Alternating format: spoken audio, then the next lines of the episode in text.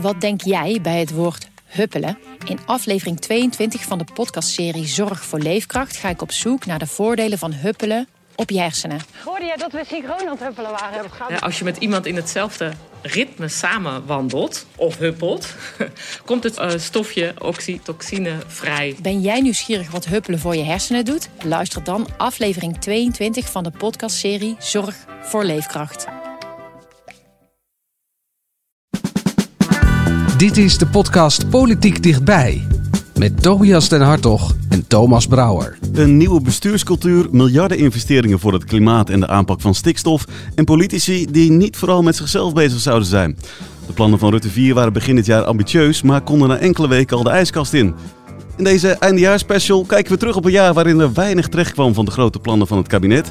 En ze voortdurend moesten improviseren. Maar we blikken ook vooruit op een nieuw politiek jaar. Vandaag aangeschoven.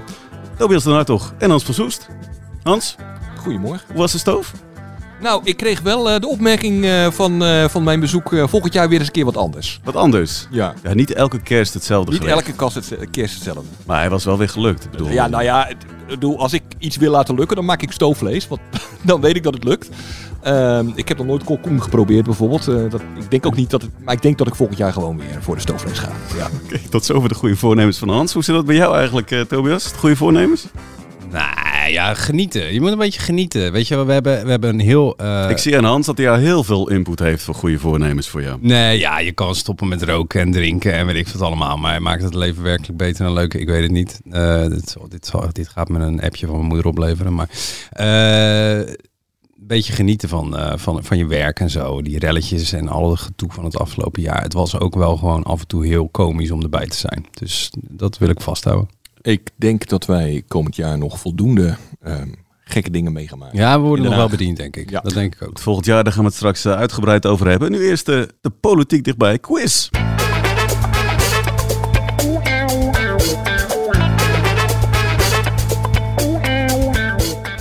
Carmen heeft dagen gezocht naar deze bumper, maar hij is te mooi. Hij, staat goed, te mooi. Hij We gaan, eh, we gaan eh, de drie vragen even stellen. Het is eigenlijk gewoon, ja, we, we hebben begin dit jaar zijn we ermee geopend. Eh, Tobias, Mhm. jij weet nog wel wie er toen eh, won?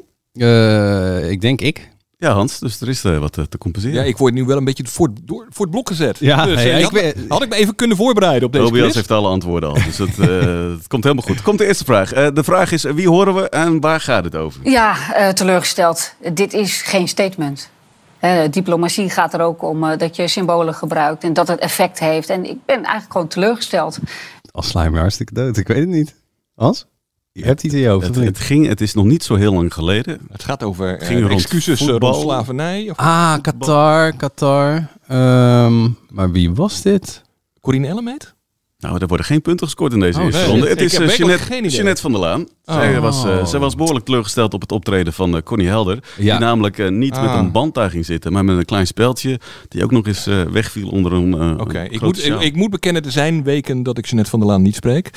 Excuus daarvoor. Oké, we, we, gaan, we, gaan iets, we gaan iets makkelijker. Vraag 2. Ja, is totaal verkeerd ingeschat, dat tweede. Ik ben het totaal eens met Segers. Totaal verkeerd ingeschat. Neem ik ook, ja goed, niet dat ik dat zelf zit te bedenken, maar uiteraard als eh, voorzitter van de club ook de volle verantwoordelijkheid voor. Ja, het is Rutte en hij zegt sorry tegen Segers. Maar waar deze sorry dan weer voor is... Het, ehm, Verkeerd ingeschat. Ik denk eh, dat ze te laat waren met invoeren van het prijsplafond. Nee, nee, nee dat is, eh, jongens. eh, volgende keer ga ik jullie alle tweede vragen mee. het was wel Rutte, toch? Het, het was Rutte inderdaad, maar het ging over Groningen.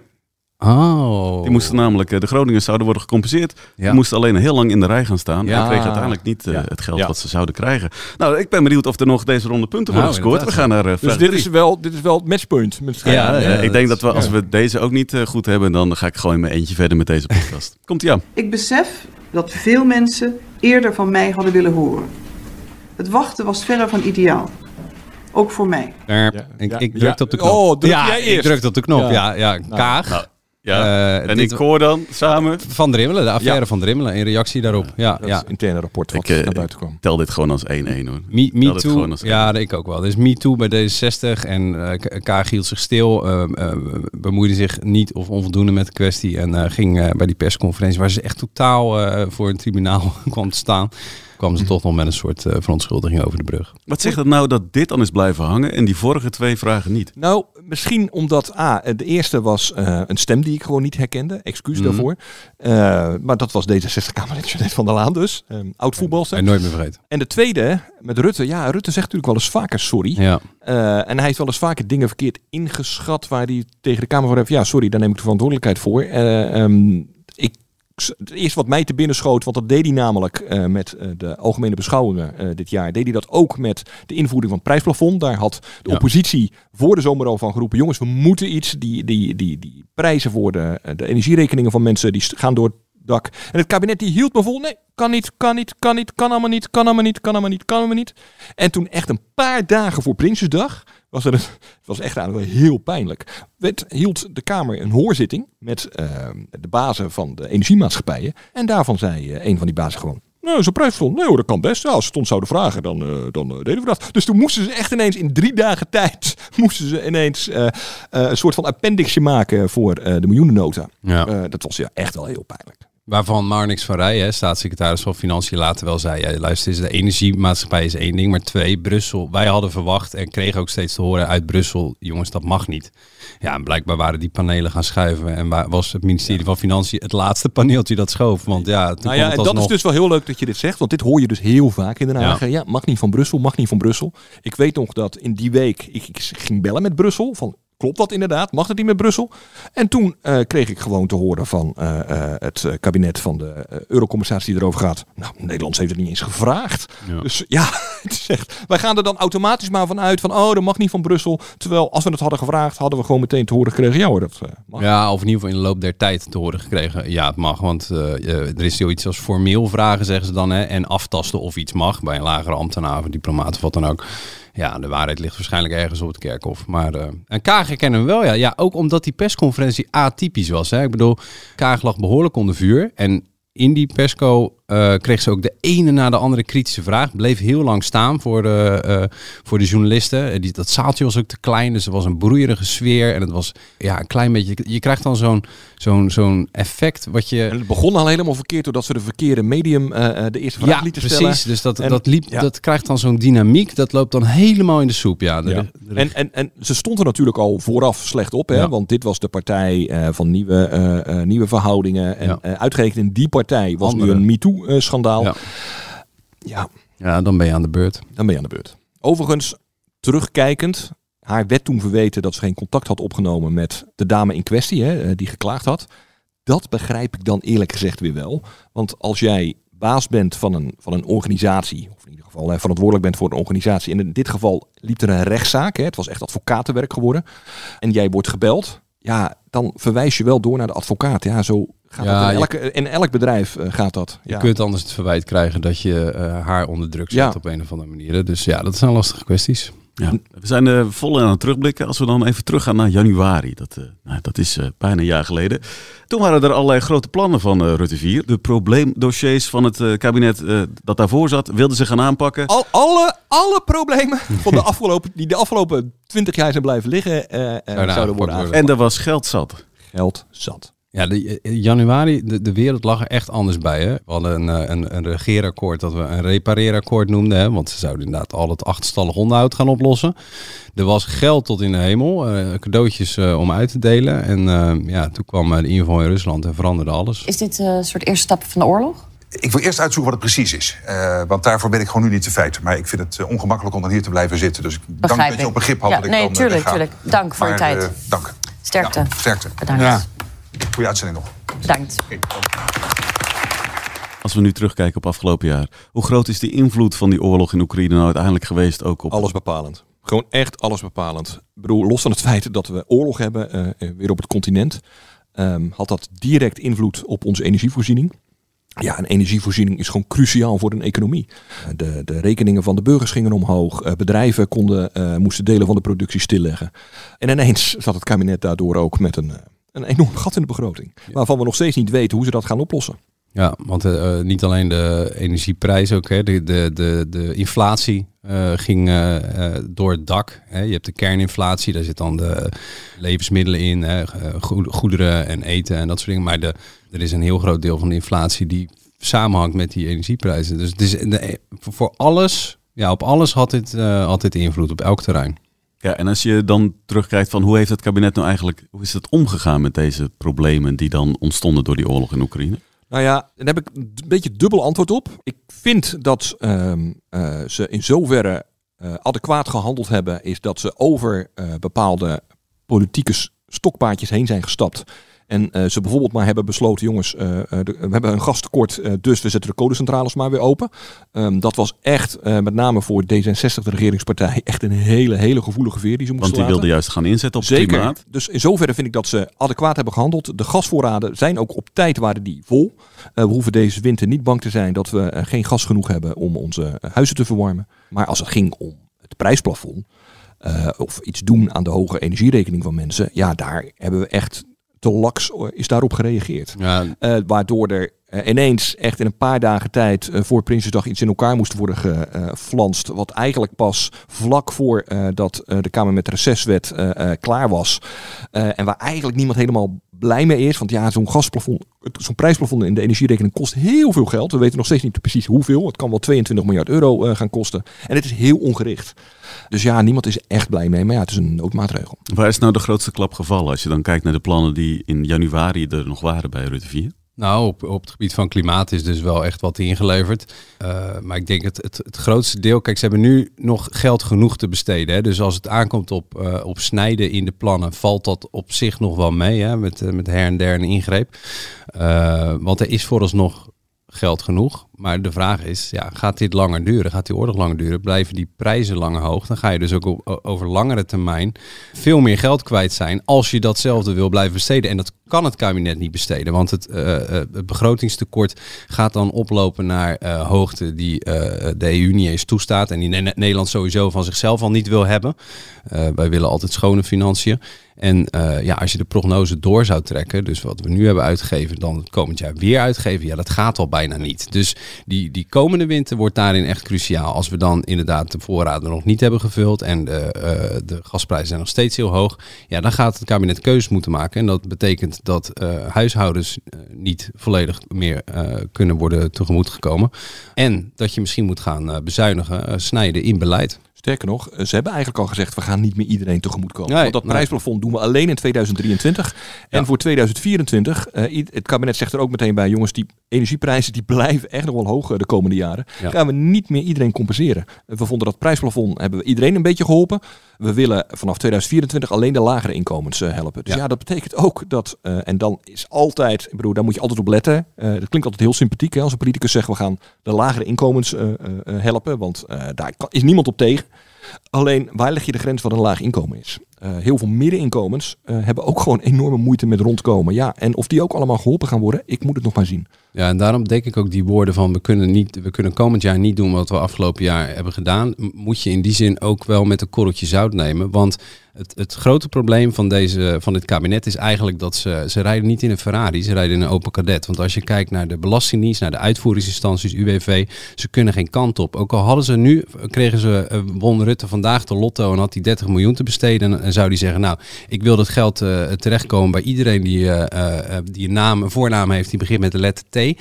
Dan lukt dat gewoon niet. Ze kunnen die systemen van hoe wij het geld van Den Haag naar het land krijgen, die zijn zo log, die zijn zo verouderd. Die ICT staat echt te roken. Ze kunnen dat geld gewoon niet gericht bij mensen krijgen. En dat gaat niet veranderen komende jaar. Dat gaat ook niet het jaar daarna veranderen. Pas in 2025 zijn die systemen echt op orde. Dus als je iets wil doen volgend jaar, kun je misschien met die bijstandsmaatregelen voor de lage inkomens, dat is nog redelijk gericht te doen. Maar wat Hans zegt, die grote groep middeninkomens, ze kunnen dat geld al bijna niet bij die mensen krijgen zonder het ongericht te doen. En dat betekent dat je dus ook geld terecht laat komen bij mensen die het niet zo nodig hebben. Ja, en een kabinet dat weinig geld te besteden heeft, gaat dat misschien niet zo gauw doen. Maar ik sluit het nog steeds niet uit. En dan hebben we het nog niet eens gehad. Want, eh, want eh, je vraag was eigenlijk van, goh, welke problemen er allemaal zijn blijven liggen? Eh, nou ja, stikstof. Eh, er zou een begin gemaakt worden eh, met de aanpak van stikstof. Eh, ja, dat is dus niet gelukt. Er waren, de protesten waren zo hevig dat de boel even eh, een hele zomer in de koelkast is gezet. En er moest een, eh, een mediator komen, Johan Remkes.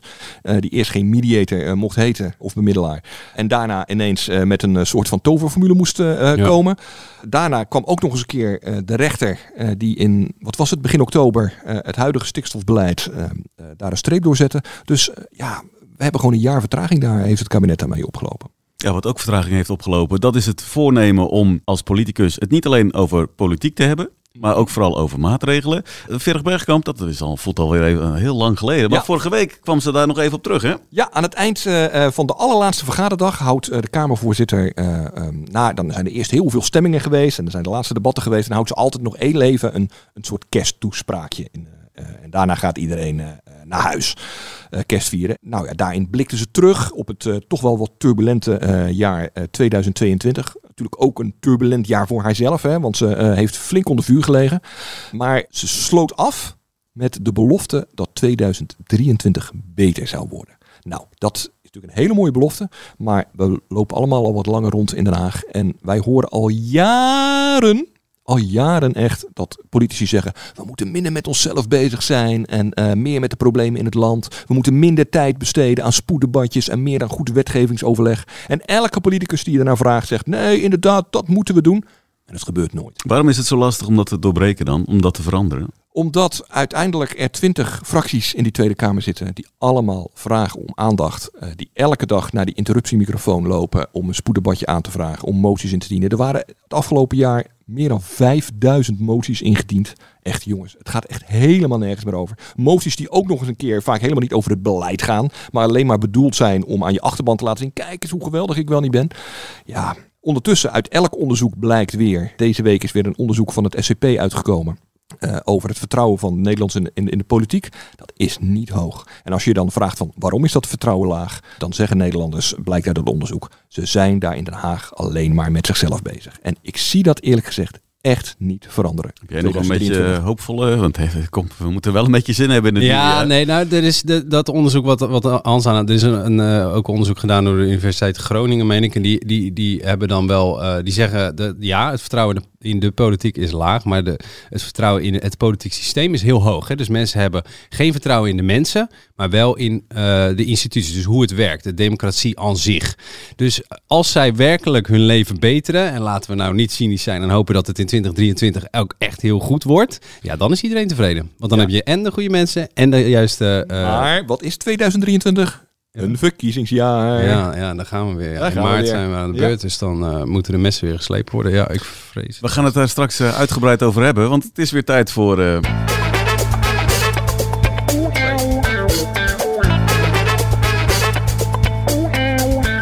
Ja, de politieke quiz. De stand is 1-1.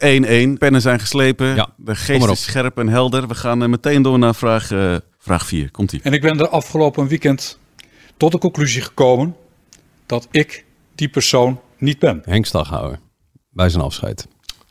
Kijk, want hoe zat het dan precies? Ja, nou, ik stond in de tuin, ik stond gras te maaien en toen ging de telefoon. Henk Staghouwer stapt op.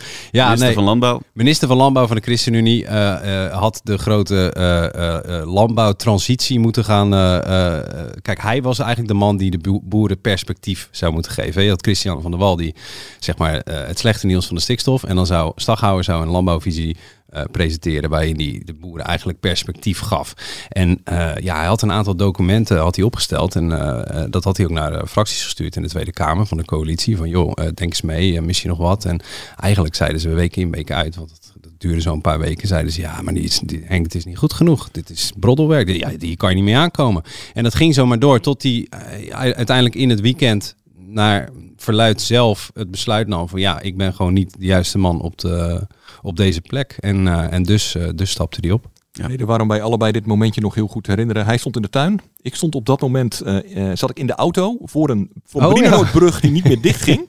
Echt anderhalf uur stond ik stil of zo. En ik stond alleen maar, te- dus wij, via de telefoon hebben we toen een, Ja. stukje gecomponeerd. Ja, ja, Eh, ja. Het was een eh, bizarre avond. Ja, We gaan snel door naar de vraag 2. 2-1 staat het, Hans. Eh, ja hij op, is gewoon sneller dan ik. Zet hem op. Ja, hij is ook jonger. Hè? Dus, Kom maar op, kom maar op. Weet je, ik zit natuurlijk al eh, anderhalf jaar zit ik, eh, op mijn vingers en bijt ik mijn eh, tong af. Christiane van der Wal. Nee. Oeh. Oh, Dit, nee, dit was Mona Keizer. Mona Keizer inderdaad. Hè? Ja, dit was Mona Keizer. Ik, oh, ik schaam me kapot. Eh, Ik nee, ben ja, echt ik zo was ook, slecht in dit soort dingen. ik was ook even eh, in. eh, de, de, de stemmen zitten niet ver bij elkaar vandaan, maar de, de, de, de visies wel. Want Mona Keizer, ja, die brak eh, uit, het, eh, uit het kabinet. Hè. Ja. En, eh, En, was- verdween- en wordt ook niet eh, de presentator van half acht. en wordt ook niet de presentator van half acht. Nee, nee, nee, nee. Maar die komt vast goed terecht. Maar jongens, heel even. Ik ga dan toch even bezwaar in, eh, eh, dienen bij de jury. Ja. Mona Keizer was 2021. Ja, maar dit ging natuurlijk over hè, dat eigenlijk was zat er een soort Ja, maar ik media voel, me nu, ik voel me nu toch een beetje in de maling genomen. Nou, Dus wij al jij bij- wist, jij wist deze, jij wist, jij wist dit antwoord al. Nee, Tobias heeft alle antwoorden al binnen. We gaan snel Eén door naar vraag, 3-1. naar vraag 3. In mijn begroting voor 2022 is een substantiële extra bijdrage van 70 miljoen voorzien voor het eh, eh, Access to COVID-19 Tools Accelerator. Dus je schrijnen Ja, dat wilde ik ook zeggen. Ja, ja ik geef Maar- deze Ja, nou- deze ik geef deze deze nou Frans, aan was Hans. snel. 3-2. Extra geld voor eh, arme landen, denk ik. Arme landen, om, eh, eh, ja, Ja. corona te bestrijden. De COVID Tools Juist, ja. ja. Accelerator. Ja, het Ik heb geen idee wat het is. COVID voelt toch ook sowieso alweer heel lang geleden nu. Ja, dat voelt wel lang. Ja, nou ja, behalve dan in China. Daar hebben ze Ja, verdomd veel last van op dit moment. En, en, en eh, Kuipers heeft nog steeds niet de, de wetten eigenlijk zoals hij ze hebben wil hè, over, Nee. eh, over COVID. Hè. De Kamer- Maar, de Kamer is maar niet als wij eh, eh, de Kamer terugkomt van reces, zou het zomaar kunnen zijn, zei Jaap van Dissel, wat was het, twee weken geleden of drie Ja. weken geleden, zou het zomaar kunnen zijn dat de laatste COVID-maatregelen overboord kunnen. Ja. Eh, dat is namelijk eh, testen en eh, thuisblijven bij klachten. Ehm, ja, dus wellicht is het allemaal overbodig. Maar het, is, eh, ja, het lijkt lang geleden. Gaan we kijken naar volgend jaar. Er is één politicus die afgelopen jaar al behoorlijk in de belangstelling staat. Zeker. Maar waarvoor wie 2023 volgens jou, Hans, Het jaar van de waarheid eh, wordt. Eh, je gaat het nu over Caroline van der Plas hebben, denk ik. Ja. Caroline van der Plas, eenmanspartij in de Tweede Kamer, heeft gewoon in eh, eh, minder dan twee jaar tijd zoveel aandacht weten te genereren. Dat zij bij de komende statenverkiezingen eh, in maart zomaar de grootste partij eh, zou kunnen worden. Iets wat we vier jaar geleden overigens ook een keer hebben meegemaakt. Maar toen was het Forum voor Democratie. Nou ja, daar, dat is volledig geïmplodeerd. Maar het is, ja, hoe je het ook bent of keert, het is wel een, een, een soort van, eh, hoe noem je dat, achtbaan-carrière die eh, eh, BBB eh, eh, doormaakt. Van een partij waar, denk ik, 90% van Nederland niet van had gehoord tot aan de verkiezingen van eh, 2020. eh, tot nu misschien wel eh, de grootste partij van het land in, Hoe is dat maart. succes te verklaren dan? Omdat zij heel veel tegenstemmen krijgt. Ja, ja, weten verzamelen. Ja, absoluut. Ja, ze is, het- het is ook echt een oppositiekamerlid. Hè, dus ze zet zich ook voortdurend af tegen de coalitie. Ik moet zeggen, soms ook wel met feitenvrije dingen. Hè. Als je ziet eh, wat zij bijvoorbeeld op Twitter wel eens retweet. Dat zijn gewoon soms eh, echt fake nieuwsberichten. Eh wie legt de onzin ook. En als het gaat om de boeren, weet ze zich heel goed en handig dat imago aan te meten van ik laat me niks vertellen en jullie met je innovatie en het klopt allemaal niet en die Maar ze heeft ook het best. imago, en dat vind ik zo knap aan haar. Ze heeft ook het imago van het redelijke alternatief. Weet Ja. je wel, Ehm, ik, weet je wel, gewoon een boerenverstand. Weet je wel, denk nou eens even normaal. En dat slaat echt heel erg aan. Het land heeft te kampen met echt hele ingewikkelde crisis. En dan is het wel eens prettig als er een, een politicus is die eh, in elk geval ehm, zegt dat zij gewoon normaal nadenkt. Waarbij je dus eigenlijk meteen impliciet zegt dat al die andere mensen niet normaal nadenken. Ja. En dat doet ze heel slim en eh, eh, eh, goed. Nou is het wel natuurlijk zo'n nieuwe partij. Stel nou dat je daar bij de provinciale statenverkiezingen in maart goed gaat scoren.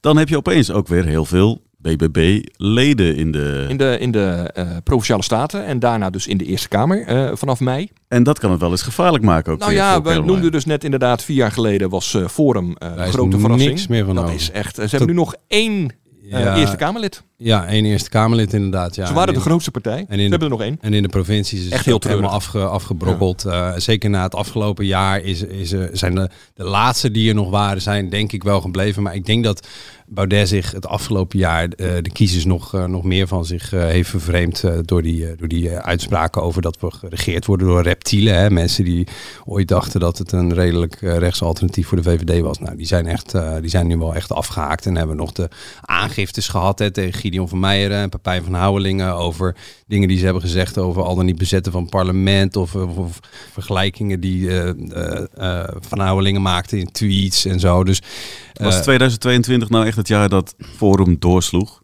Ja, in die zin wel, denk ik. Ik denk wel dat het dat, dat eh, kijk, de, de, de, dat de wereld geregeerd wordt door een soort schaduwelite, eh, de geleid door Klaus Schwab en het eh, World Economic Forum. Dat zeiden ze al wel iets langer, maar het was heel erg gericht op COVID. En, en je ziet het afgelopen jaar is, is, hebben ze die lijn eigenlijk nog wel tot in een wat extremere doorgetrokken. Tot aan dat Thierry Baudet nu zegt dat de maanlanding nooit heeft, eh, heeft plaatsgehad. Dus ik, ik denk wel dat ze nog verder zijn vervreemd van, van, dat, eh, van dat redelijke geluid wat ze, wat ze eerder hadden. En je ziet ook dat het kabinet er een hele andere eh, manier van omgaan eh, heeft gevonden, die gaan nu er vol tegenin. En je zag het moment dat Kaag opstond bij het, bij het debat en het hele kabinet wegliep, dat, dat, dat, moment. En in de weken daarna is er, is er ook steeds tegengas gegeven bij allerlei debatten. Dus het is boom is ho, is nu, het, is nu de nieuwe werkmodus van het kabinet. Ja. Ja, voor het kabinet is eh, maart ook een hele spannende periode. Zeker. Want Kijk, als hoe zij- dan ook gaan ze, eh bedoel, nog even los van of Caroline van der Plas met BBB wel of niet de grootste partij eh, weet te worden in maart. Hoe dan ook, dat blijkt uit alle peilingen. En het is nog maar heel kort dag om daar iets aan te doen. Gaat de regeringscoalitie enorm pak op de broek krijgen, electoraal. Ehm, dus ja, het wordt lastig. En dat heeft dan ook grote gevolgen natuurlijk voor beleid maken. Want dan heb je de Eerste Kamer helemaal niet meer. Nee, dat hadden ze overigens nu ook al niet meer. Ehm, en tegelijkertijd, een paar weken geleden zat ik hier in deze podcast te beweren dat het, eh, zo zie je maar, eh, zoveel verstand hebben die politiek journalisten ook niet van alles. Te beweren dat de nieuwe pensioenwet waarschijnlijk zou gaan sneuvelen in de Eerste Kamer. Maar ja, inmiddels, doordat ook de SGP naast GroenLinks en de PvdA vanuit de oppositie zijn steun eraan heeft verleend, gaat het misschien toch wel gewoon lukken. Dus Rutte heeft zich de afgelopen jaren natuurlijk meester getoond in het, in het smeden van coalities en eh, oppositiepartijen eh, lekker maken om toch in te stemmen met de kabinetsplannen. Dus het zou zomaar eens kunnen eh, gebeuren. En ik ben in zoverre wat minder optimistisch als ik terugkijk naar het afgelopen jaar. In nou, eind augustus, begin september, ik gaf echt geen cent meer voor dit kabinet. Het, ging, het kabinet stond aan alle kanten onder druk. De, verhoudingen waren verzuurd. CDA, vicepremier eh, Wopke Hoekstra eh, had eigenlijk in een interview in het Algemeen Dagblad eh, het hele stikstofbeleid eigenlijk min of meer een beetje bij het grofvuil gezet. Dat leidde weer toe dat de andere vicepremier, Sigrid Kaag, in de ministerraad die daarop volgde, zei van het vertrouwen is weg. Nou, op feit dat dat alleen al dat dat achteraf werd verteld. Normaal wordt er, staat daar echt eh, gewoon een straf op, lek uit de ministerraad, maar dat gebeurde gewoon. Dat gaf wel iets aan over hoe slecht de verhoudingen waren. Maar op de een of andere manier in dit afgelopen najaar is er wel iets veranderd. Dit kabinet stond namelijk onder enorme druk van buiten. Die boerenprotesten eh, waar eh, de SGP of de ChristenUnie en de, CDA met name heel veel last van hadden. die waren heel heftig. Ehm, eh, er was heel veel onvrede en woede bij burgers over de hoge energierekening. Ze hebben door eh, Remkes, dat Remkes-rapport hebben ze tijd gekocht. En toch die boerenprotesten, in elk geval eh, de afgelopen maanden, eh, zijn die geluwd. De woede over de hoge energierekening hebben ze een beetje weten te luwen door met dat prijsplafond te komen. En doordat dit kabinet minder onder druk staat van buiten, merk je ook dat de onderlinge verhoudingen weer wat normaler zijn. Ik bedoel, het zullen nooit vrienden worden. Het blijft een, een, een moedje, dit kabinet, omdat er gewoon geen enkele andere optie, geen andere geen enkele andere coalitie te vinden was. Maar toch, ik, ik ben iets positiever over het voortbestaan van dit kabinet eh, dan ik eh, een half jaar geleden was. En waar ligt eh, volgens jou dan de grootste uitdaging volgend jaar van dit kabinet? Nou, je moet denk ik het gevoel blijven houden. Kijk, dat, en dat gevoel hebben ze nu best sterk, hè, dat zij de volwassenen in de Kamer zijn. Hè. De, de, de, de oppositie zien zij eh, toch hè, als eh, lopen weg als het moeilijk wordt, schreeuwen maar wat van de zijlijn. Wij zijn de volwassenen in de Kamer. Hè. Dan kun je nog wel wat partijen weer optellen. PvdA en GroenLinks is op een aantal kwesties. SGP kun je allemaal nog wel zaken mee doen. Maar het zal van ons moeten komen. Dat gevoel heerst sterk. Plus, je hebt in het kabinet dus dat gevoel moet je zien vasthouden. Plus je hebt in het kabinet op een paar posities, eh, een paar sleutelposities, of wat sleutelposities zijn geworden eigenlijk. Hè. Neem Erik van den Burg op asiel, eh, eh, Jette op klimaat. Die hebben veren moeten laten. Die hebben echt af en toe iets moeten doen wat ze niet wilden. Codecentrale heropenen of asielbeleid toestaan wat in hun eigen, in de VVD-achterban van Van den Burg helemaal niet wordt gepruimd. Heeft hij toch zien te verkopen. Van de Wal die boeren op haar erf had, maar toch de stikstofmaatregelen min of meer doorzetten. Hè, gesteund met het, door het rapport van Remkes. Dus je hebt op een paar sleutelposities heb je eh, een aantal mensen die ook af en toe heel slecht nieuws durven te slikken. En dat heeft ook wel een beetje een gevoel gecreëerd van oké, nou het ploegje dat het moet doen voor ons in het kabinet zijn, is ook bereid af en toe eh, eh, veer te laten of eh, eh, door, de, door het stof te gaan. Zolang dat gevoel een beetje blijft postvatten en je hebt eh, de slechte resultaten van de Eerste Kamer zorgen niet, eh Eerste Kamerverkiezingen zorgen niet voor paniek.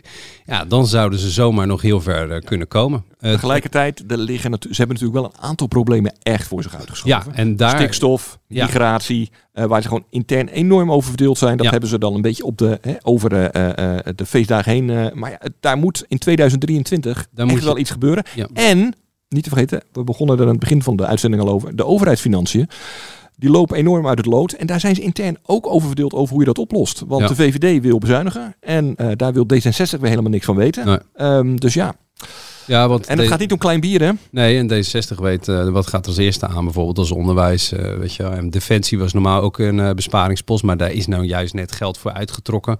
Eh, dus daar kan je eigenlijk bijna niet op knibbelen. En er blijft heel weinig geld op de plank, dus daar heb je ook al niet veel te winnen. Dus er komen nog zat problemen aan. Ik weet het, meneer Sommermans. Ja, sorry. Maar als, hè, als, als, je, als je toch een beetje met een roze bril naar wil kijken, dan mag je hopen dat ze dit gevoel nog één jaartje vasthouden. Maar ja, garanties tot de deur.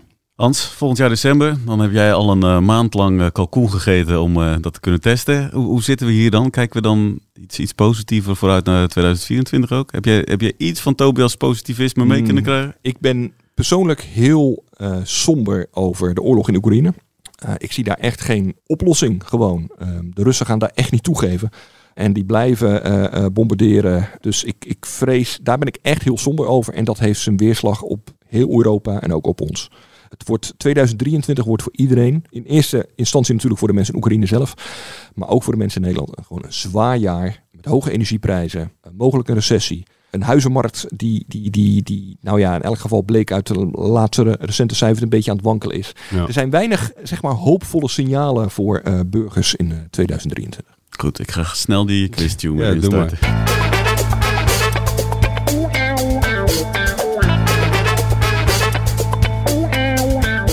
Stand is 3-2, alles kan nog. Alles kan nog. Je weet het, hè? Nederland-Argentinië, echt 2-0 tot het einde en ineens. Hè? Ja, Alles kan En nog. toch, als wij hier volgend jaar weer zitten, Ja, dan, dan wil wil ik wel even van tevoren horen dat ik een eh, eh, quiz eh, moet Over beantwoorden. de, over de vragen en antwoorden kan worden onderhandeld. Kijk, Tobias die ik krijgt al die antwoorden. vanmorgen. Ja, jij hebt al die antwoorden al gekregen, ik weet het zeker. Kom maar op. Goed, komt ie. In deze nieuwe serie laten wij rioolratten in hun ware gedaante zien. En weggeven is, Hey, zou die stem. dit zijn? Die Ja, bekende stem. Ja. Doe hem nog eens. Nee, nee, nee. Gideon van Meijeren, Forum voor Democratie. Hij hem toch, hè? Nee, nee, nee. eh, de pu- punten delen we, hè. Dus Ja. eh, 4-3. Maar dit is eh, de, de, de, de, ja, de rioolratten ontmaskerd uitzending. waarbij die eh, eh, verslaggever Merel Eck opzocht van SBS. Die had hem... eh, ja, een beetje te pakken bij een eh, tv-interviewtje. En hij kwam wraak nemen met een filmpje. Rioolratten ontmaskers. En het ruikt hier ook een beetje raar, zei hij toen hij op de gang liep bij de journalisten. Ja, heel overigens, naar moment. overigens mag ik daar één ding over zeggen. Ja. Want wij zitten zeg maar één, één, verdieping, onder, één verdieping onder eh, eh, SBS. Het ruikt ook raar in die gangen. Dat heeft niks met, eh, niks met eh, de collega's eh, te maken. Maar er hangt een, een soort van je moet je voorstellen dat eh, dat, dat vreselijke kamergebouw, eh, daar zitten allemaal van die branddeuren eh, die steeds dichtvallen. dus het is heel bedompt, het lucht er nooit door. En we zitten nu nou, anderhalf jaar in dit gebouw en het begint wel steeds bedompter te ruiken. Krijgt dus, van mij er toch nog gelijk. Ja. Het ruiken naar ja. 4-3. Dank Nederlanden. Slava Oekraïne. De toespraak van Zelensky. Oh, de, de gelijkmaker is gemaakt en Wout Weghorst heeft toegeslagen. Ja, ik twijfelde tussen of dit Russisch of Oekraïens was. Maar ik geloof je op je woord. Ja. Dit was de speech in de Tweede Kamer, hè? Eh, dit was de speech van Ja, Zelensky precies, inderdaad. ja. Eh, de stand is 4-4. Heel goed. Ja, eh, dit, hier, hier kan je dus eh oud en nieuw eh, over opscheppen. Dit is golden goal? En ja, nee, hier, hier gaat het om. Kom maar op. Ja. Ben je erbij, Hans? Ja, ik hoop het. Luisteren, hè? Ja, dit is de beltune van eh, Mark Rutte. Dit is een oude Nokia, inderdaad. Die zijn oude Nokia moest wegdoen. Toen, hè? Oké, eerder wie eerder toekomt. Tobias heeft terecht gewonnen. Dus, eh, Ja, Mark Rutte moest eh, afscheid nemen van zijn geliefde Nokia. Want eh, toen, toen hij... kijk, het verhaal is... Er, er er werd steeds ge-sms'd. Hij sms't veel. Dat deed hij. En met dat oude toestel ook. En die sms'jes zijn allemaal niet goed opgeslagen. hij zegt dat hij alle belangrijke sms'jes heeft gedeeld met zijn ministerie. Dat daar, alleen dat kunnen we niet controleren. Maar dat kunnen we niet controleren. Dus dat is, dat is naar. Maar hij zegt dus dat hij... Want hij heeft jarenlang zijn oude Nokia gehad. Omdat zijn duimen te dik zijn voor een iPhone, zei hij altijd. Want dan kan hij niet fijn mee appen. En nu was hij in New York ergens begin van het jaar. En toen bleek dat dat, dus de, de, dat toestel daar geen internet meer had. Want ja, er werd niet meer ondersteund. Het was te oud. En toen, moest, toen, toen heeft hij hem weggedaan. Ja, dat is het verhaal. Maar deze tune, die Ja. hoorde erbij. Ik heb hem ook nog gehad. Ja, en ook ja. Ik waarschijnlijk ook. Is dat dat, eh, dat toestel waar je Snake op had zitten? Ja, zeker. Ja. Snake. Ja, ja, die hebben we dan ook nog gehad. Dat was misschien een van de eerste toestellen die we kregen van de krant. Ja, dat zou kunnen. We zijn er doorheen. De- Ja, waar staat die beker? Kom Ja, maar. nee, ja nee, straks eh, de, de bloemen staan er al, Oh, dus goed die kan je straks goed meenemen naar huis. We gaan afsluiten, jongens. Het, het zit erop, eh, 2022. Dat is niet helemaal, hè? Nog een weekendje eh, eh, met eh, veel harde vuurwerkknallen. En, eh, Ja, jij verwacht dat het daar straks meteen weer over zal gaan en dat we dan uiteindelijk toch dat vuurwerkverbod... eh, Nou ja, eh, het gekke aan dat vuurwerkverbod is... al dat vuurwerk wat al die mensen al, wekenlang horen... dat is al verboden. We hebben al een verbod op knalvuurwerk en op eh, vuurpijlen. Eh, dus ja, al die mensen die roepen... "Ja, er moet een algemeen vuurwerkverbod komen. Ik denk, ja... dat- Dit, dit wat je nu dit ziet wat je nu hoort en ziet, dat, Ja. dat is al verboden. Dus ja, ik vraag me werkelijk af wat dat gaat helpen. Ik zit nauwelijks te luisteren. Ik zit nog helemaal in een overwinningsroes gewoon. Weer, twee jaar op rij. Ik, echt ongelooflijk, die quiz. Die had het echt heel goed gemaakt. Volgend jaar moeten we dit echt anders gaan doen, Hans. Maar eh, zoals ik zei, over Wat, de... wat, wat schuift dat? eh, Eh, ik, heb- we, we hebben het hier straks nog even over bij het uitzending. Ik ga eens even afronden, want deze aflevering zit erop. Vind je dit nou een leuke podcast? Abonneer je dan. Dat kan via Spotify of Apple Podcast. Fijne jaarwisseling en tot volgende week. Dan zijn we er gewoon weer. Tot dan.